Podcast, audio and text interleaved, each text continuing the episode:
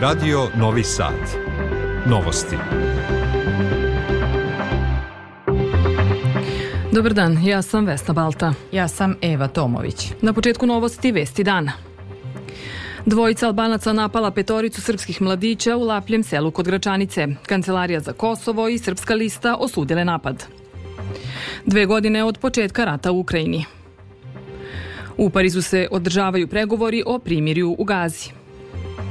19. savjetovanje voćara okupilo na Poljoprivrednom fakultetu u Novom Sadu više stotina proizvođača voća iz zemlje i regiona. Premijerom filma Još jedan dan u Novosadskom bioskopu Arena Cineplex večeras počinje program 52. festa. Iz sporta u 22. kolu futbalske Superlige danas na programu tri utakmice. U Vojvodini sutra oblačno uz moguću kišu, temperatura do 19 stepeni. U Novom Sadu sada je 14. Dvojica Albanaca prestrela su sinoć automobilom grupu od pet srpskih maloletnika u Lapljem selu kod Gračanice i uz pretnju nožem od dece su tražili da kažu da je njihov predsjednik Hašim Tači te da predsjednika Srbije nazivaju pogrdnim imenima. Deca su uspela da pobegnu, a napadači su nastavili kretanje u pravcu Prištine. Roditelji su slučaj prijavili policiji u Gračanici. Kancelarija za Kosovo i Metohiju ocenila je da je napad dvojice Albanaca na petoricu srpskih mladića u Lapljem selu kod Gračanice direktna posledica politike mržnje koju svakodnevno generiše Priština i zatražila reakciju međunarodne zajednice. Zahtevamo da počinioci tog gnusnog incidenta budu privedeni uz pristanak na Prištinu da prekine politiku nekažnjavanja, jer ona samo dodatno stimuliše, stimuliše izgrednike, ističe se u saopštenju. A napad Albanaca na srpske mladiće osudila je i Srpska lista koja je ocenila da je on posljedica višegodišnje represije i antisrpske politike režima premijera privremenih prištinskih institucija Albina Kurtija, koji i sam čini sve da ugnjetava srpski narod i protera ga sa ovih prostora. Ministar unutrašnjih poslova Srbije Bratislav Gašić izjavio je na svečanoj akademiji kojem je MUP obeležio 200 godina od bitke kod Rlupe da su to ministarstvo i policija uvek u svoj narod, da u svemu dele isto sudbinu i da su garant bezbednosti svakom građaninu naše otačbine. Srpski narod je slobodarski narod. To je dokazao kroz vekove svog trajanja i postojanja, jer je slobodu kao svoju najveću vrednost ustanicima osvajao ili ratovima branio od raznih osvajača. Na današnji dan, 24. februara 1804. godine, naši ustanici su prvom bitkom kod Rlupe, nedaleko od Sopota, hrabro i nepokolebljivo, predvođeni odlučnim i neostrašivim Karadžorđem, počeli prvi srpski ustanak i budućim pokolenjima održali istorijsku lekciju da je sloboda dovoljno vredna dobitak koju treba braniti po svaku cenu i za koju vredi položiti život. Svet Pre tačno dve godine ruske snage započele su udare na teritoriju Ukrajine, a ratu se još ne nazire kraj. Veći napredak na frontu nijedna strana nije imala od kraja 2022. godine. Ukrajinci drugu godišnicu rata obeležavaju komemoracijama, a u Kijevu su danas četiri zapadna lidera. Predsjednica Evropske komisije Ursula von der Leyen, italijanska premijerka Đorđe Meloni, kanadski premijer Justin Trudeau i predsjednik vlade Belgije Aleksander De Croo. Ukrajinski predsjednik Volodimir Zelenski navodi da to na simbolički način opisuje gde je Ukrajina dve godine od početka rata.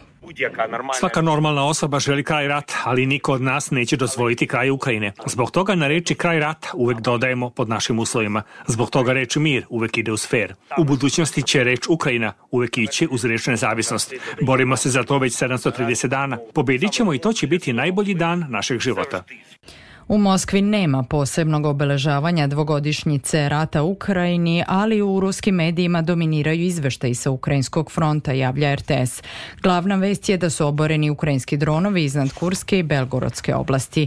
Kada je reč o 13. paketu sankcija Evropske unije, one će se odnositi na više od 200 privrednih subjekata. Takođe objavljeno je da će se i američke sankcije odnositi na više stotina ruskih privrednih subjekata. Evo i ostalih vesti sveta. Ministar Ministarstvo zdravlja Gaze koje vodi Hamas saopštilo je da su 92 osobe ubijene u enklavi u protekla 24 sata, čime broj ubijenih palestinaca u ratu porastao na 29.606.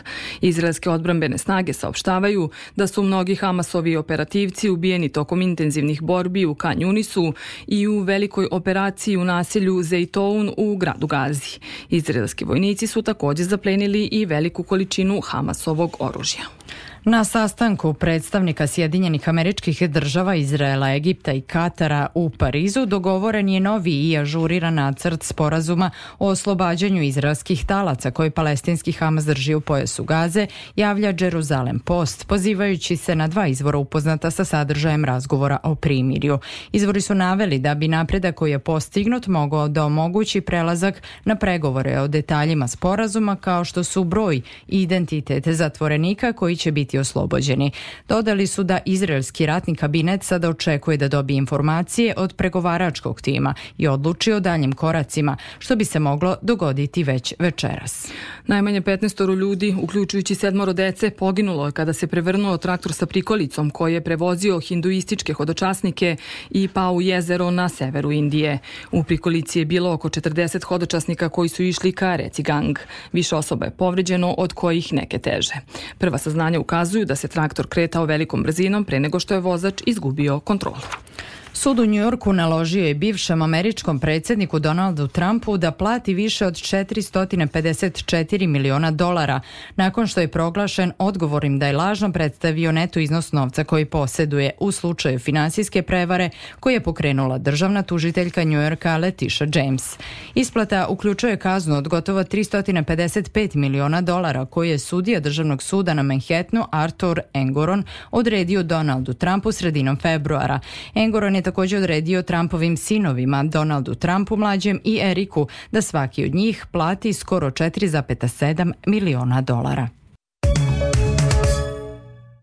Slušajte novosti Radio Novog Sada u nastavku ponovo domaće teme.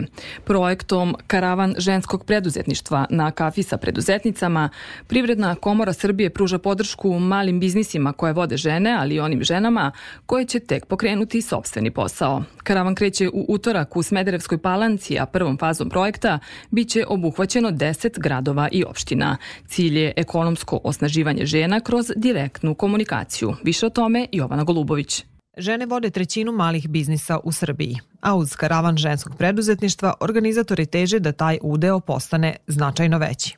Privredna komora Srbije pruža mogućnost povezivanja sadašnjih ili budućih preduzetnica sa drugim firmama, nudi pomoć pri plasiranju na strano tržište kao i u digitalizaciji poslovnih procesa, ističe direktorka sektora preduzetništva komore Branislava Simanić i najavljuje da će upravo ti besplatni vidovi podrške biti predstavljeni u okviru karavana. Mi ćemo svakako na tim susretima sa njima u direktnoj komunikaciji razgovarati šta je to što je njima, da kažemo, neki eventualno problem u poslovanju, šta je to što čime su se do sada suočavale. Predstavit ćemo sve ono što Prirodna komora Srbije radi za njih, a što pre svega predstavlja snažnu podršku u njihovom poslovanju i takođe da organizujemo čitav niz edukacija tokom čitave godine.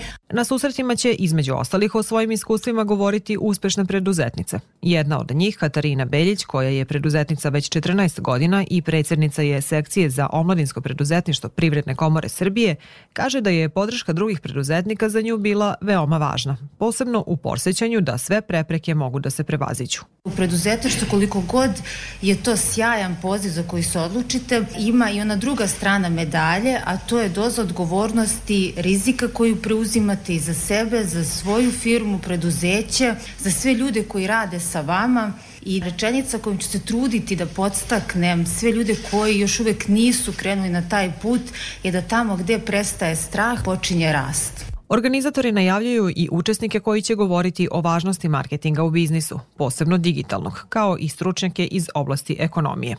Karavan ženskog preduzetništva posle Smederevske palanke biće održan i u Novom Sadu, Nišu, Beogradu i u još nekoliko gradova i opština u Srbiji.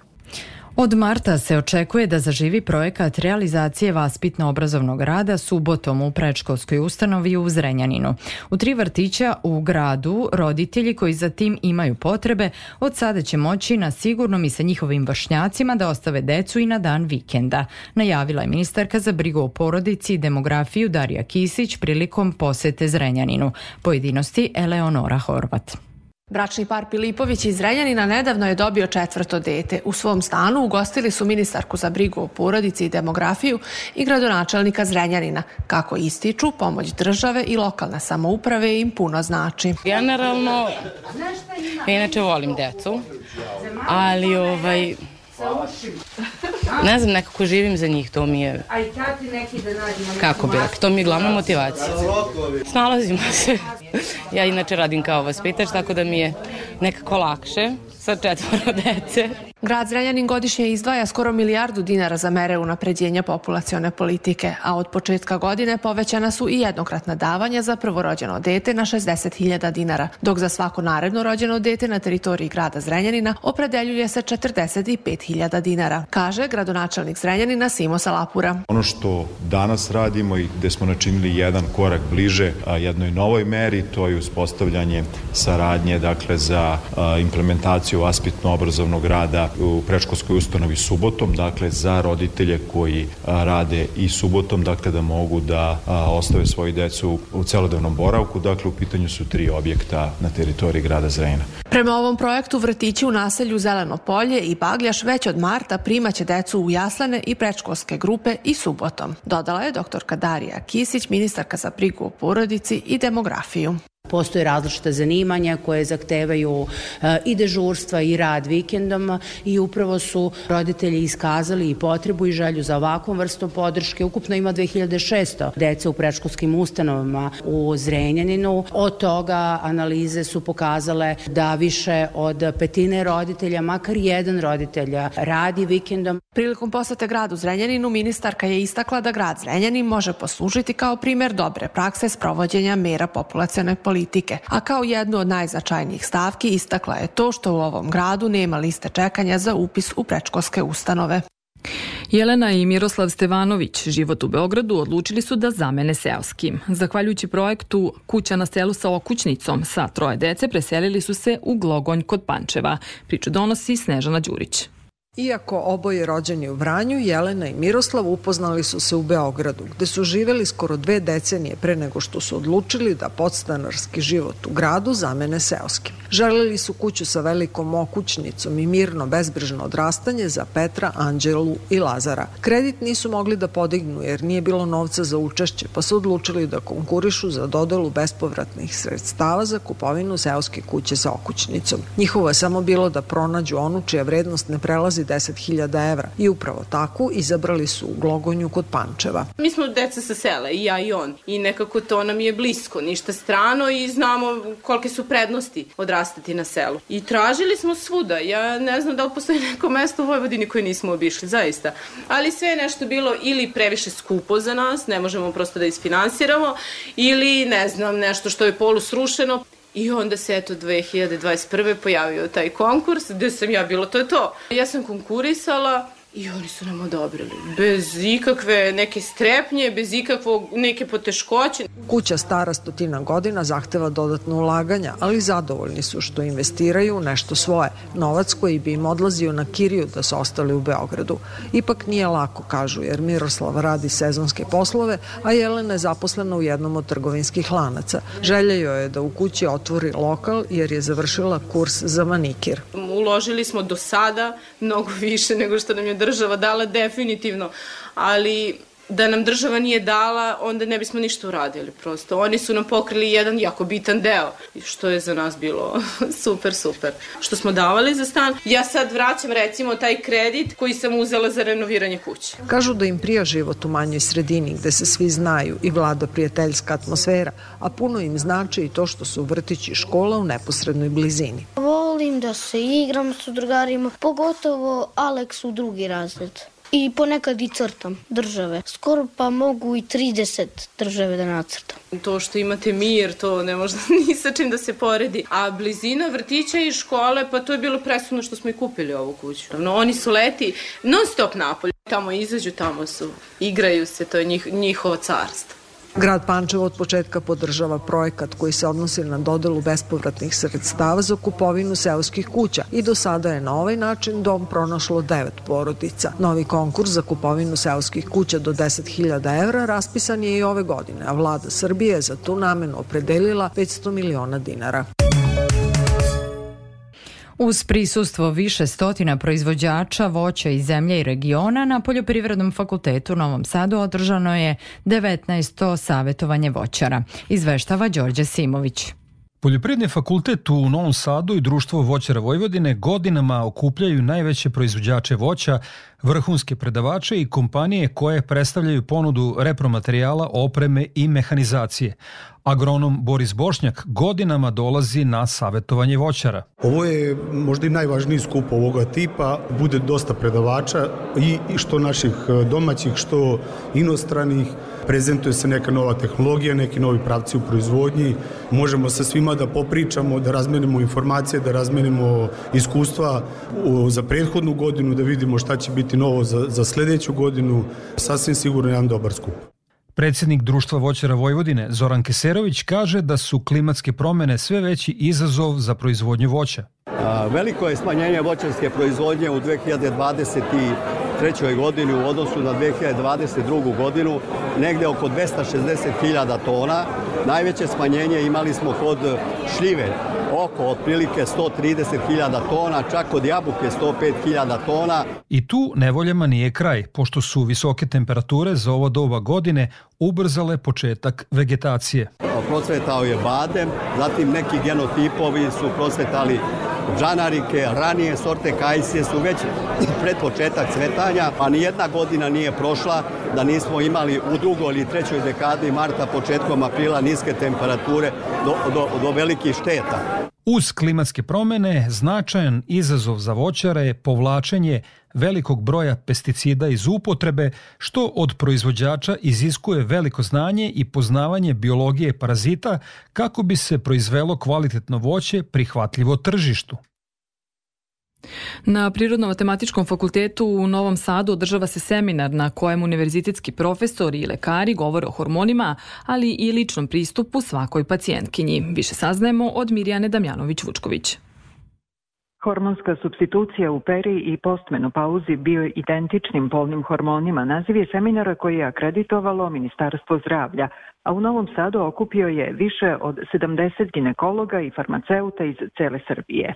O hormonima, načinima delovanja, nedostatku i načinima nadoknade govore lekari, ali i profesori sa Novosadskog prirodno-matematičkog i Beogradskog farmaceutskog fakulteta. Osim ostalog, učesnici su ukazali na to da žene trećinu života provedu u menopauzi i složili su se da je važno i da se ukaže da je pogrešno to što se u praksi svim ženama daje nekoliko lekova sa kombinovanom nadoknadom hormona. Jer, kao što je rečeno na seminaru, Ista terapija za sve je kao da se svim ljudima na planeti ponude cipele broj 36, 40 i 44.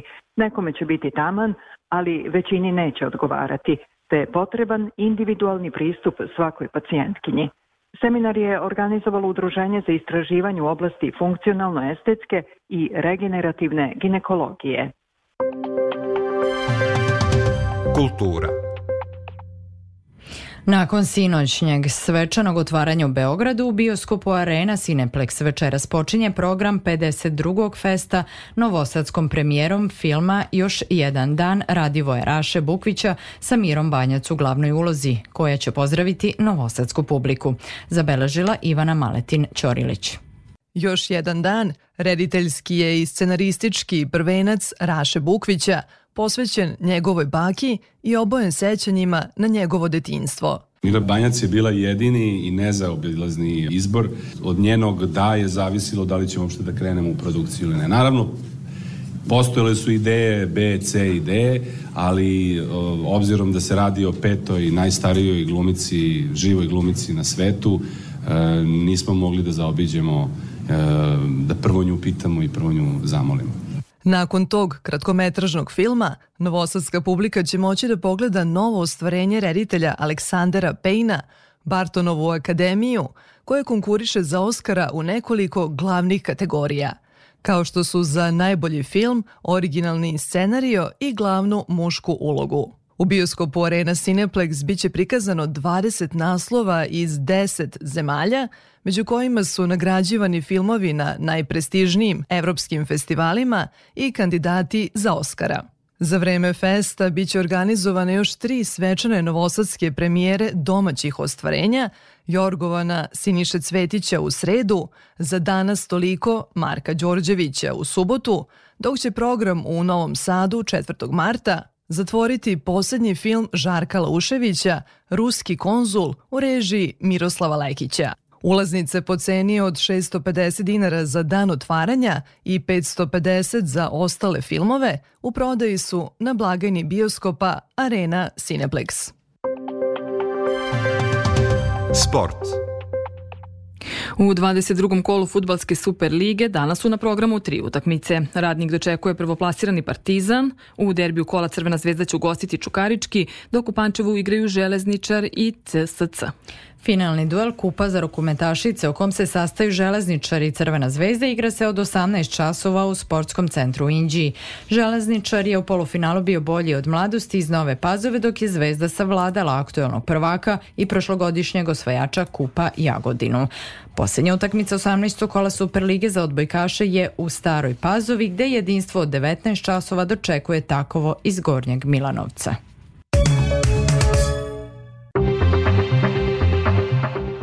Pred kraj novosti još jednom vesti dana.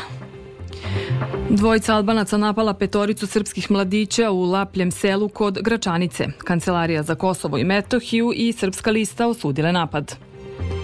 Dve godine od početka rata u Ukrajini. U Parizu se održavaju pregovori o primirju u Gazi. 19. savjetovanje voćara okupilo na Poljoprivrednom fakultetu u Novom Sadu više stotina proizvođača voća iz zemlje i regiona. Premijerom filma Još jedan dan u Novosadskom bioskopu Arena Cineplex večeras počinje 52. fest. Kada je vremenu reč u većem delu Vojvodine je oblačno, u Novom Sadu 15 stepeni, relativna vlažnost vazduha je 63%, vazdušni pritisak 1001 milibar. Slušamo opširniju prognozu.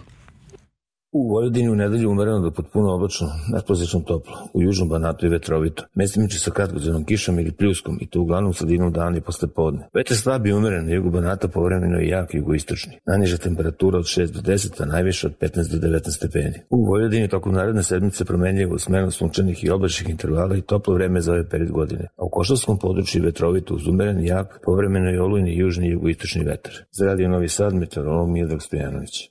Slušali ste novosti prvog programa radija Radio Televizije Vojvodine. Novosti tonski realizovala Olja Mihnjak. Pred mikrofonom bile Vesna Balta i Eva Tomović.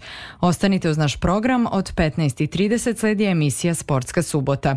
Hvala na pažnji i prijatan ostatak dana.